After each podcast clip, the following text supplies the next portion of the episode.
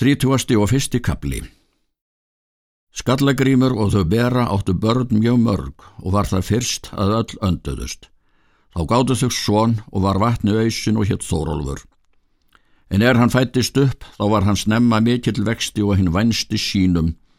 Var það allra manna mál að hann myndi vera hinn líkast í Þórólfi kveldúlsinni er hann var eftir heitinn. Þórólfur var langt umfram jafnaldra sína að afli En er hann óks upp, gerðist hann íþróttamaður um flesta þá hluti er þá var mönnum títt að fremja, þeim er vel voru að sér gerðir. Þórólfur var gleðimaður mikill. Snemma var hann svo fullkominn að afli að hann þótti vel liðfær með öðrum mönnum. Varð hann brátt vinsæl af alþýðu, unni honum og velfaðir og móðir.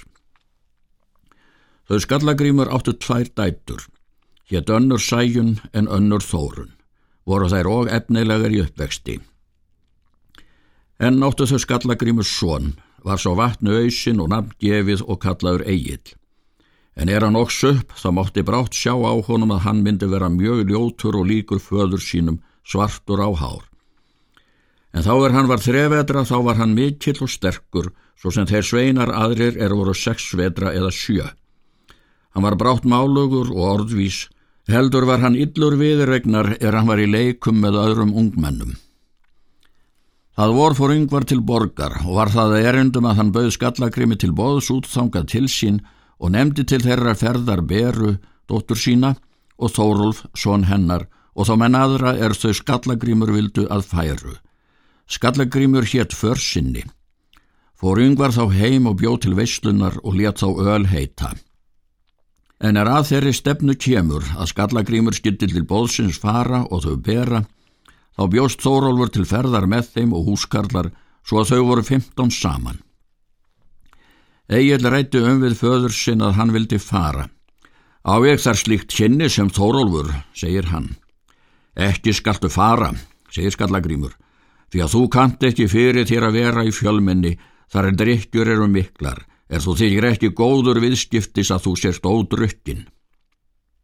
Steg þá skallagrímar á hestsinn og reyði brott en eigil undi illa við sinn hlut. Hann gekk úr gardi og hitti eikast einn er skallagrímar átti, fór á bak og reyð eftir þeim skallagrími.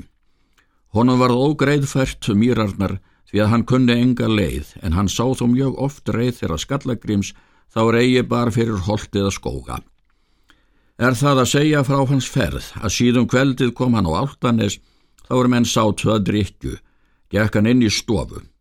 En er yngvar sá eigil þá tók hann við honum feginsamlega og spurði hví hann hefði svo síl komið. Egil sagði hvað þeir skallagrímur hafðu við mælst. Yngvar setti Egil hjá sér. Sátu þeir gangvert þeim skallagrími og þórólfi. Það var þar haft öllteiti að menn hváðu vísur þá hvað eigil vísu.